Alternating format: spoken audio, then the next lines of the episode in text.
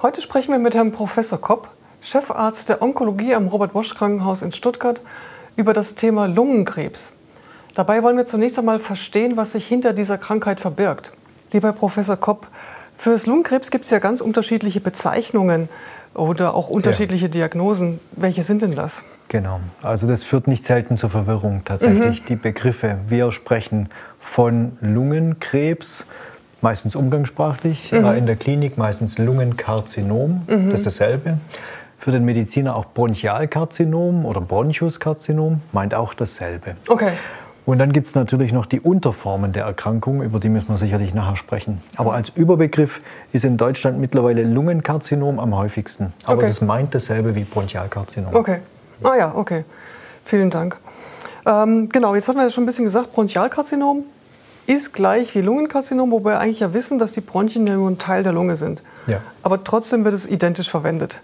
Richtig, denn die, die Lunge ist aufgebaut wie im Grunde wie ein Baum. Mhm. Ich erkläre das manchmal ganz gern so, wie ein, äh, wenn Patienten da anatomische Fragen haben. Tatsächlich wie ein Baum, der hat einen Stamm, mhm. zwei Hauptäste und die verzweigen sich immer feiner. Mhm. Und am Ende kommen die Blätter. Mhm.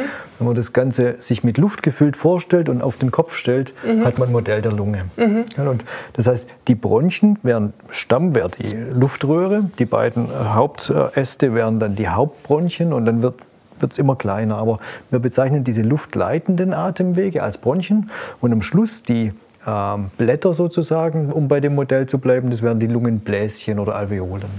Mhm. Und irgendwo in dem Bereich, alles ist mit Schleimhaut überzogen von innen, ja. entsteht in der Schleimhaut ähm, das Karzinom. Okay, verstehe. Und es gibt ja dann ähm, diese große Unterscheidung zwischen kleinzelligen und nicht kleinzelligen. Ne? Ja. Also das ist die historisch älteste, ja. aber bis heute wirklich relevante Einteilung. Und wenn ich dann Vergleich machen darf, äh, bei den Lymphomerkrankungen unterscheiden wir ja auch Hodgkin-Lymphom von Non-Hodgkin-Lymphom. Ja. Ist eigentlich dasselbe. Mhm. Das ist eine ganz grobe erste Einteilung. Also beim Lungenkarzinom gibt es das kleinzellige Lungenkarzinom, weil diese Zellen tatsächlich so klein sind. Mhm. Sie sind also morphologisch unter dem Mikroskop kleine Zellen, die sehen ziemlich gleichförmig aus und der Pathologe kann beim ersten Blick durchs Mikroskop meistens schon die Diagnose stellen. Ah, okay. Das ist heute die Minderheit, sind ungefähr 15 bis höchstens 20 Prozent mhm. Äh, der Lungenkarzinome und ist eine ganz eigene unter, unter Art, die auch eigen behandelt wird. Mhm. Und die anderen, alle anderen Unterformen, die äh, bezeichnen wir als Nicht-Kleinzeller, aber die sind unter, untereinander dann auch wieder verschieden. Ja, eine unter, Ach so, okay. Ja, genau. Achso, deswegen nicht, weil es dann eben auch nochmal unterschiedliche. Nicht kleinzellig sind, okay. aber sie sind dann wieder unterschiedlich. Das Interessante ist, als ich Staatsexamen gemacht habe vor 25 Jahren, war das alles gar nicht relevant. Man, hat, man, musste nur lernen, es gibt Kleinzeller und Nicht-Kleinzeller. Und die Antwort bei der Therapie war, wir behandeln alle gleich. Ah. Und nur das andere war nur für die Pathologen relevant, okay. aber für die Klinik irrelevant. Das hat sich geändert, Zum total Glück. geändert. Ja, genau. da sind wir wirklich ja. einen ordentlichen ja. Schritt weiter. Genau. Und die Nicht-Kleinzeller, wie heißen die denn? Also wenn man die jetzt unterteilt genau. in unterschiedlichen... Also für einen Pathologe, der guckt sich dann nochmal ganz genau an.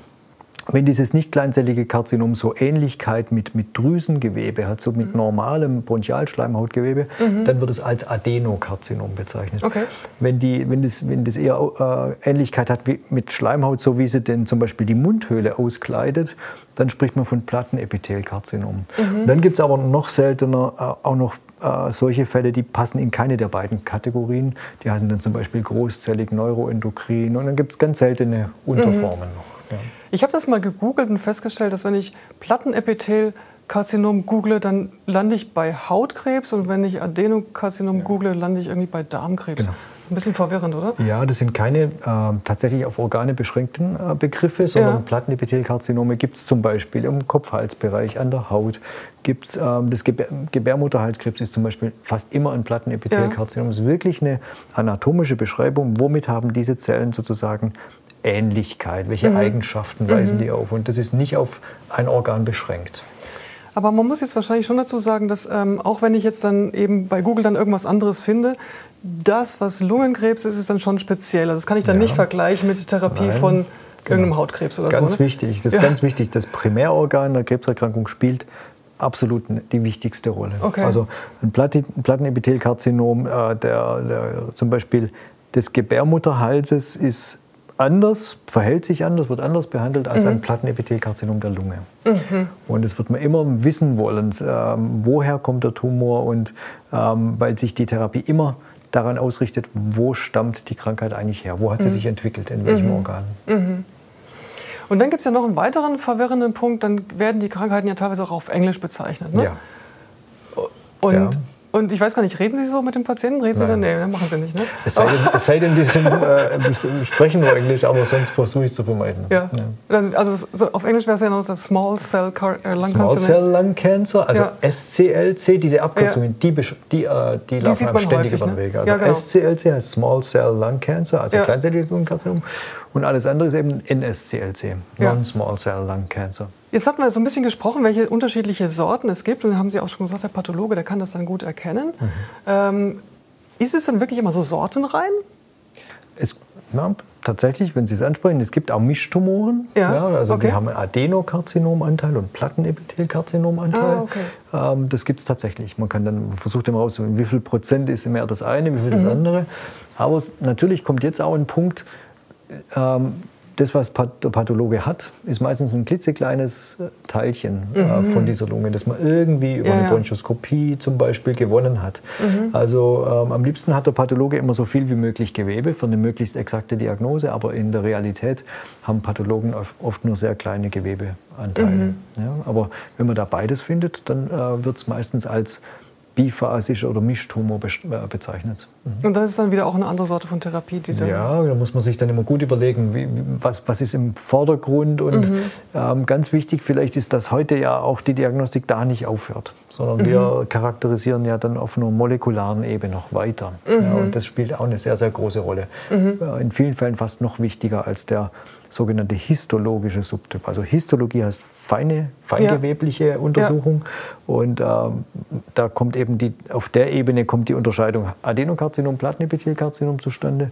Und die nächste Ebene, wenn man sozusagen weiter in die Tiefe geht, ist die molekulare Ebene. Mhm. Wir buchstabieren da sozusagen das, äh, das Erbgut der Zelle durch. Und das hilft uns dann oft im Einzelfall noch mehr als mhm. die feingewebliche Unterscheidung. Deswegen werden wir dazu noch mal einen extra Film ja. machen, wo wir genau ins Detail reingehen, wie die, die Diagnose funktioniert und welche Resultate das ja. hat. Das ist, glaube ich, dann auch echt mal wichtig. Und ich glaube, noch mal ein ganz, ganz wichtiger Punkt ist auch, und ich glaube, da gibt es auch oftmals Missverständnisse und Konfusion, Lungenkrebs und Metastasen in der Lunge von einem anderen Organ. Genau. Ist auf den ersten Blick eigentlich ähm, sozusagen ein plausibler Unterschied, aber es, doch kommt es immer wieder zur Verwirrung. Also mhm. es gibt natürlich viele Erkrankungen, Krebserkrankungen, die in anderen Organen entstanden sind. Mhm. Das kann zum Beispiel mit relativ großer Häufigkeit das Rektumkarzinom sein, also der, der Tumor des letzten Darmabschnittes, mhm. äh, der relativ häufig äh, Lungenmetastasen verursacht, also Absiedelungen in der Lunge. Mhm. Oder das kann Brustkrebs sein. Das sind also doch häufige Tumorerkrankungen, die die Eigenschaft haben, in der Lunge Metastasen zu bilden. Und warum ist es so wichtig, das zu unterscheiden? Wenn man Lungenmetastasen zum Beispiel eines Rektumkarzinoms hat, also eines Dickdarmtumors, mhm. dann ähm, ist die Herangehensweise ähm, sowohl, wenn man medikamentöse Therapie anschaut oder aber auch ähm, die Frage, ist, sowas, ist es sinnvoll in der Situation ob, zu operieren oder nicht, mhm. eine ganz andere, wie wenn das ein primär in der Lunge entstandener Tumor wäre. Die, also die Therapie unterscheidet sich fundamental? Fundamental. Das sind, äh, okay. sprechen auf unterschiedliche Medikamente an. Mhm. Okay, deswegen ist auch so, auch so wichtig bei der Diagnostik wirklich festzustellen, ja, genau. was ist es denn jetzt genau? Ist gar ja? nicht so selten. Ein Patient ja? wird zu uns zum Beispiel eingewiesen. Da hatten wir erst letzte Woche kürzlich neu aufgetretener Lungentumor, mhm. Frage Lungenkrebs. Und mhm. was sich herausgestellt hat, es war tatsächlich so ein metastasiertes Rektumkarzinom. Dann wird okay. ganz anders vorgegangen. Okay. Ja. Mhm. Und auch die Prognose ist unterschiedlich. Es ist wirklich für alles, was den Patienten interessiert. Also mhm. alles, was er wissen muss zur Prognose, zum Ablauf der Therapie, aber auch mhm. das, was für uns wichtig ist, Wahl der Medikamente, ist sehr stark davon abhängig, wo kommt diese Krankheit eigentlich ursprünglich okay. her. Mhm. Und dann lohnt sich auch wirklich, da lohnt sich wirklich in einer Abteilung zu sein, die sich mit Krebsmedizin ganz allgemein beschäftigt. Ähm, dann kommt man oft schneller auf den Trichter und schneller auf in die richtige Richtung, wie wenn man es zu sehr organfixiert ist. Mhm. Genau, jetzt kommen wir nämlich auch schon gleich zu dem Thema Ursachen, ja, die, die Ursachen für einen Lungenkrebs. Ja. Also das ist auf den ersten Blick ganz einfach, aber auf den zweiten Blick ja, doch interessant. Also ich, wenn ich wenn ich historisch anfangen darf, und äh, in der Zeit, bevor Zigaretten erfunden wurde, mhm. äh, wurden, wenn Sie da, also das ist ja noch gar nicht so lange her, also gut, so sagen wir mal, um 1900 gab es noch keine Zigaretten. Wenn Sie, ach, ach so, okay. Die Filterzigarette ist so eine ganz perfide Erfindung zur, zur ähm, Verarbeitung von Abfall bei der Zigarre Zigarrenherstellung. Die Zigarren werden ja so aus ja. Tabakblättern ja. aufgerollt und der Verschnitt, ja. den musste man immer wegschmeißen. Und äh, der, der, ich bin kein Raucher und kann da nicht äh, richtig gut was dazu sagen, aber den einfach zu rauchen hat immer nicht gut geschmeckt. Aber mit der Erfindung einer Maschine, die den Verschnitt äh, weiter klein macht, weiter so verarbeitet und dann als Zigarette verpackt, ja. ähm, mit, dieser, mit, mit dieser Erfindung ist nicht nur sehr, sehr viel Geld verdient worden, sondern die, diese Erfindung ist ähm, vom Effekt auf die Menschheit schlimmer als jede erfundene Kriegsmaschine mhm. der Welt, ja, weil es mehr Todesopfer gefordert hat mhm. als jede je erfundene Waffe. Ja, das muss man sich echt mal bewusst genau. machen. Genau. Und ja. wenn, Sie jetzt, wenn, die, ja. wenn Sie jetzt auf die Zeit zurückgehen, als Zigaretten noch nicht erfunden waren, ja. Ähm, und da Medizinlehrbücher sich anschauen, dann gibt es Lungenkrebs schon. Also es gab Lungenkrebs auch vor Erfindung der Zigarette als seltene Krankheit, mhm. die etwas häufiger bei Frauen vorkam als bei Männern und meistens im mittleren Lebensalter. Okay. Wenn Sie heute schauen, dann sehen wir, aber das ist eben ganz stark verfälscht durch die, die hohe Raucherei immer noch in unserer Bevölkerung. Wenn wir heute in Deutschland schauen, dann wissen wir, 90 Prozent der äh, Bronchialkarzinom-Patienten haben geraucht oder rauchen immer noch. Mhm. Und das mittlere Alter bei der Diagnose ist 70. Mhm. Aber natürlich gibt es das sozusagen das, das, ursprüngliche Lungenkarzinom, das es früher schon gab, das es auch äh, heute noch gibt, immer noch. Und äh, wir sind jetzt heute wieder einen Schritt so weit, dass wir sagen können, wir können die voneinander unterscheiden. Die sehen ja. für den Pathologen unter dem Mikroskop erstmal ganz gleich aus, aber die unterscheiden sich molekular, okay. weil sie sich in der Entstehung unterscheiden. Und wir haben heute auch den Vorteil, dass wir von dieser genauen Analyse ausgehend auch bessere, zielgerichtete, wirksame Medikamente haben und diese Gruppen jetzt nicht nur in der Diagnostik unterscheiden, sondern auch in der Therapie. Ja, also ganz wichtig, Rauchen ist der Risikofaktor. Mhm. Man, man, sagt, uh, ungefähr 90 Prozent der Lungenkarzinome sind damit eindeutig in Zusammenhang. Mhm.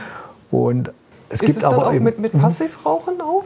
Ja, das, das, ist natürlich viel, viel schwerer zu, zu fassen. Ja, ja. Wie viel hat jemand passiv geraucht? Aber ja. ganz sicher spielt auch Passivrauchen rein. Ich meine, das ist ja ganz häufig dann gerade bei Ehepartnern, da wurde einer Ketten raucht und der genau. andere halt nicht. Ja, oder ich habe einige Patienten, die stammen aus, einfach aus Familien, da wurde immer geraucht. Mhm. Also es gibt, ich kann mich an meine eigene Kindheit erinnern. Mhm. In unserem Haus wurde immer geraucht. Da stand immer, wenn Besuch, spätestens wenn Besuch da war, ein großer Aschenbecher auf dem mhm. Wohnzimmertisch. Mhm. Weil viele der Besucher rauchten, da war das ganz normal. Mhm. Und auch, ähm, also die Zeit ist ja noch nicht so lange her, nee. dass, ja. dass zum Beispiel in öffentlichen Räumen, Restaurants ja. nicht geraucht wird. Also wer ja. in der Gastronomie tätig war, hat automatisch extrem viel Rauch abgekriegt. Und gibt es Statistiken dazu, zu äh Passivrauch? Es gibt, schon, es gibt schon so Korrelationen, ja. ja, ähm, ja. Sie können jetzt aber natürlich nie ganz auseinanderhalten. Also wenn, wenn Sie jetzt zum Beispiel Autofahrer beobachten, die ähm, im Auto mit zu geschlossenen Fenstern rauchen, dann haben sie sowohl den Direktstromrauch ja. als auch den Nebenstromrauch, dann haben sie beides gleichzeitig drin. Ähm, und ähm, ja, es gibt, es gibt diese, dieses Phänomen des familiären Lungenkrebs, und immer wieder die Diskussion, ist der familiäre Lungenkrebs eigentlich eher eine Folge einer gemeinsamen Genetik mhm. oder nicht eher eine Folge des Passivinhalierens? Mhm. Ja, das mhm. kann man ganz schwer trennen. Mhm. Ich glaube, da wird man mit zu, zunehmendem Wissen in Zukunft auch besser aufspalten können, aber es gibt einen ganz eindeutigen äh, Bezug zu auch passiver Exposition. Und mit wie vielen Jahrzehnten äh, Verzug, ähm, jetzt sind wir ja wirklich in so einer Phase, wo wir jetzt seit neuestem schon wieder nicht mehr, aber eigentlich versuchen, das Rauchen wirklich in der gesamten Gesellschaft deutlich zu ja. reduzieren. Mit welchem, wie viele Jahrzehnten Verzug muss man denn da rechnen, bis sich das dann auch äh, in den Inzidenzen zeigt? Also man, man, in den USA kann man es ganz gut zeigen, mhm. auch in Europa durchaus, also die, bei den Männern vor allem in Europa. Mhm. Ähm, und mit, mit, wenn man korreliert, wie viel wird in der Bevölkerung geraucht und wie hoch ist die das Auftreten des, äh, des, Lungenkarzinoms, dann sehen Sie so eine Verzögerung wahrscheinlich so um 25, 30 Jahre. Ja, also oh, wenn, wenn, jetzt alle aufhören würden mit Rauchen, würde man so äh, in 25, 30 Jahren nochmal deutlich sehen. Mhm. Wir sehen aber bei den Männern schon bedingt dadurch, dass weniger rauchen, schon einen deutlichen Rückgang, so ungefähr seit der Jahrtausendwende.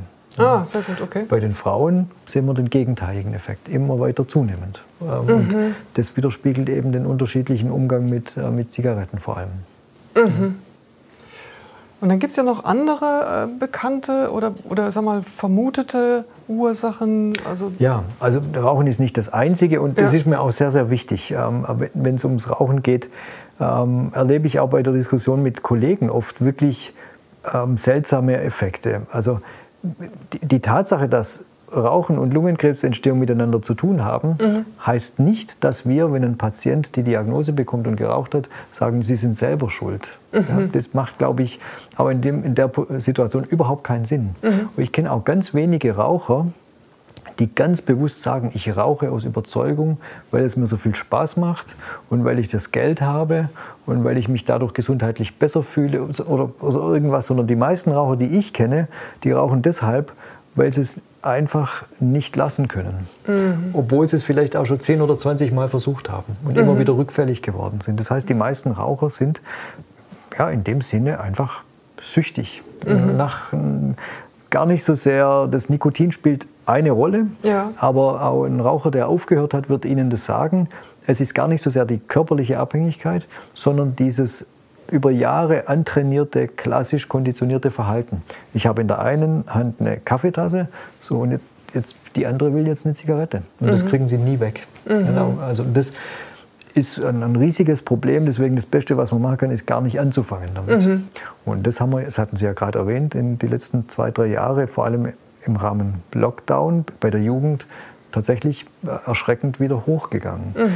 Ähm, das, ist, das halte ich wirklich für bedenklich und ähm, besonders bei, bei sehr jungen Jugendlichen, also auch junge Mädchen, haben wir ähm, ganz ungünstige Trends. Die fangen häufig mit 12, 13 an. Oh, wow. Das und, ist, äh, das ist natürlich okay. einfach mhm. besonders gefährlich. Ja. Und äh, E-Zigaretten, wie, wie, werden die da eingestuft? Ja, gibt es überhaupt schon Daten zu? Da gibt es noch nicht, aus meiner Sicht noch nicht wirklich ähm, richtig verlässliche Daten, mhm. was jetzt die Krebsentstehung betrifft. Mhm. Aber ich, mit dem, was ich gerade angedeutet hatte, wollte ich schon in die Richtung.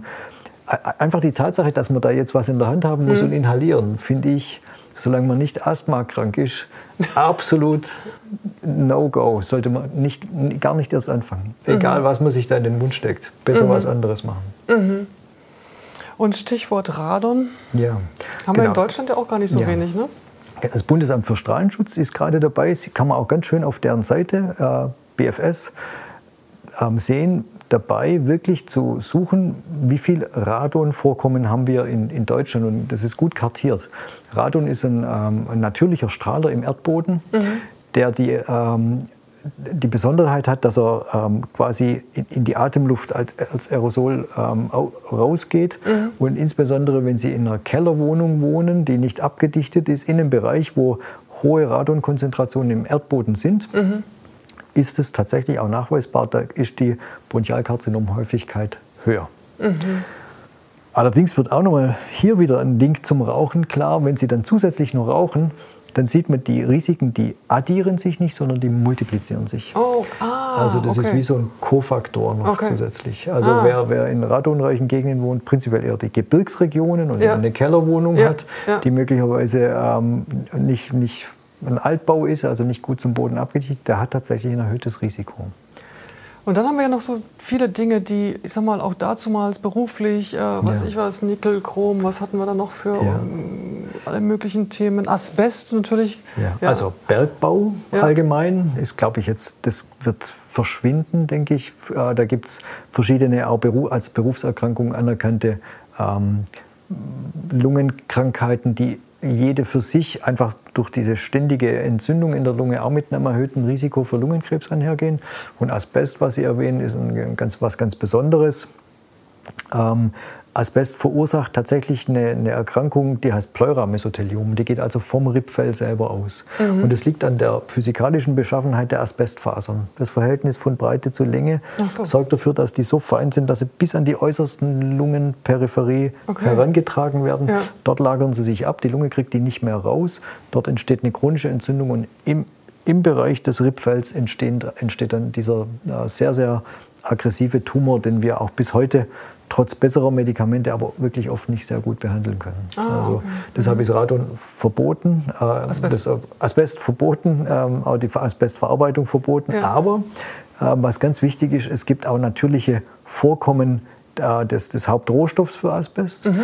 Und es gibt Länder, da wird weiterhin Asbest produziert also in, in Russland, Brasilien, ähm, oh, Fernost. Und äh, Ach, tatsächlich okay. ist es nicht überall gebannt. Mhm. Und dadurch, dass wir Migration haben, wird dieser Punkt, den wir immer vorhergesagt haben, ab wann wird die Häufigkeit des Pleuramesotheliums abnehmen, mhm. wird immer weiter in die Zukunft verschoben. Oh, also, okay. und ich bin nicht so ganz überzeugt, ob wir mit dem Verbot, das wir zum Beispiel in Europa haben, mhm dafür sorgen, dass wir in Zukunft diese Fälle nicht mehr haben, sondern wir haben einfach auch Zuwanderer, die Asbestkontakt haben und deshalb diese Krankheit entwickeln. Deswegen ist es dann auch wichtig, dass man zum Beispiel hier im Krankenhaus das Wissen, wie man sowas behandelt, dann auch irgendwie behält. Ne? Genau, ja. absolut. Okay. So, jetzt haben wir ja jetzt mehrfach, Sie haben es am Anfang schon ein bisschen gesagt, es gibt auch wirklich einfach diese, ich sag mal, ohne bekannte ja. Ursachefälle.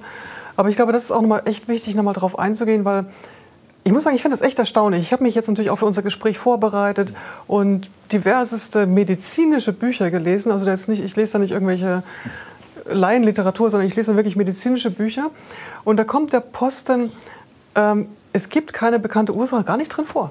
Mhm. Wird nicht genannt. Mhm. Ja, ich, das ist eben genau äh, das Thema. Ich, ich vergleiche das mit Diabetes. Mhm es gibt in Deutschland Millionen Typ-2-Diabetiker, mhm. also eine Alterserkrankung, die ähm, gar nicht, ich finde den Vergleich benutze ich auch immer mal wieder für die, für die Assistenzärzte. Eine, eine Erkrankung, die hat viele bekannte Risikofaktoren, mhm. Übergewicht, Überernährung etc. Und irgendwann reicht das Insulin der Bauchspeicheldrüse nicht mehr aus, denn diesen gesteigerten Bedarf zu äh, stillen und der Patient wird behandlungsbedürftig. Es gibt aber auch den Typ 1 Diabetes, mhm. eine, eine, schicksalhafte Autoimmunkrankheit, mhm. die häufig schon bei Kindern und Jugendlichen dazu führt, dass die, die Bauchspeicheldrüse keine B-Zellen mehr hat und die können kein Insulin mehr bilden. Ja. So, das sind vollkommen unterschiedliche Dinge, mhm. die man tatsächlich auch mittlerweile zunehmend auch anders behandelt, anders angeht. Aber die Typ 1 Diabetiker, die leiden darunter, dass ähm, sie immer wieder einfach durch fehlende Bildung in der Allgemeinbevölkerung, aber auch äh, ungenaue Berichterstattung immer wieder sozusagen mit den Typ-2-Diabetikern in einen Topf geworfen werden. Okay. Das sind wirklich komplett unterschiedliche Dinge, die nichts miteinander zu tun haben, außer mhm. der Tatsache, dass da so wenig Insulin da ist. Mhm. So, und bei dem Vergleich, finde ich, kann man bleiben. Es gibt eben das viel, viel häufigere Bronchialkarzinom, das mit Zigarettenrauchen in Verbindung mhm. aufgetreten ist, im Vergleich zu der schicksalhaften, häufig junge Menschen betreffenden Lungenkrebserkrankung, die, wie wir sagen, sporadisch auftritt, mhm. für die es keine bekannten Risikofaktoren gibt. Mhm. Also wir, auch nicht familiär. Also man kann jetzt auch nicht sagen, oder wie ist es dann für die ja, Betroffenen? Das, äh, da, da, da, wird gerade viel dran geforscht. Ich bin okay. mir sicher, das werden wir in ein paar Jahren anders sehen als heute. Ja. Ob es da vielleicht doch familiäre, erbliche, ja. genetische Prädisposition, also Empfindlichkeit dafür gibt. Mhm. Wir haben äh, zum Beispiel das Phänomen, dass wir wissen, eine Art so eines so einen sporadischen Lungenkarzinoms ist in ähm, Ostasien viel häufiger als in Europa. Ja? Ah. Also das sind dann heutzutage tatsächlich genetisch ähm, sozusagen untersuchbare und genetisch definierte Unterarten von Lungenkrebs. Und ähm, die sind vor zehn Jahren hat man immer gesagt, wenn, da die, wenn mal bei Ihnen eine junge japanische Frau kommt äh, mit Lungenkarzinom, dann, dann ist es wahrscheinlich, die hat eine Mutation im, zum Beispiel im EGFR-Gen. Ja. Mhm. Das sind 50 Prozent der Lungenkarzinome in Japan. Bei ah. uns sind es nur ungefähr so 10 bis 15 Prozent der nicht kleinzelligen Adenokarzinome. So ganz, ganz wichtig. Jetzt habe ich mich gerade selber in eine, in eine, Position gebracht, wo ich gleich erklären muss. Okay. Pro, Prozentzahlen. Ja? Ja. Wenn, Sie, wenn Sie hergehen und sagen, ich nehme alle Lungenkarzinome ja. und gucke dann, wie viel Prozent sind solche. Ja. Dann kommen Sie wahrscheinlich auf sowas um 10 Prozent. Ich mhm. habe ja vorher gesagt, bei 90 Prozent geht man vom Rauch aus. Jetzt nehmen wir aber die Kleinzeller weg. Die Kleinzeller sind fast immer Raucher. Das, also mhm. das ist ganz, ganz streng assoziiert mit Rauchen. Nehmen die Plattenepithelkarzinome weg. Die sind mhm. fast auch immer bei Rauchen. Und nur die nicht plattenepithelialen Nicht-Kleinzeller. Okay. Wenn man nur die nimmt. Okay. äh, oder auf Englisch Non-Squamous NSCLC steht dann immer in den Kapiteln. Ja. Also nicht plattenepitheliales, nicht kleinzelliges Lungenkarzinom. Und dann gucken Sie nochmal ganz genau, wie viel Prozent dieser Patienten haben nie geraucht. Dann wird es höher. Dann geht es Richtung 15, 20 Prozent, mhm. manchmal mehr. Und dann findet man diese Unterarten von ähm, wirklich sporadischem Lungenkarzinom mhm. ohne bekannte Risikofaktoren. Mhm. Ja, also, und, und das mhm. gibt es, das ist eine Erkrankung, die, die, es gibt, wo man auch dran denken muss. Ja. Äh, das sind dann wirklich oft junge, junge Menschen, die einen vollkommen gesunden Lebensstil mhm. haben. Mhm. Ja. Mhm. Vielen herzlichen Dank, Herr Professor Kopp. Wie jetzt äh, schon mehrfach gesagt, wir werden dann noch mal reingehen in Detail in die Diagnostik und vor allen Dingen werden wir uns auch noch mal die vielfältigen Methoden der Therapie anschauen. Also bleiben Sie dran. Thank you.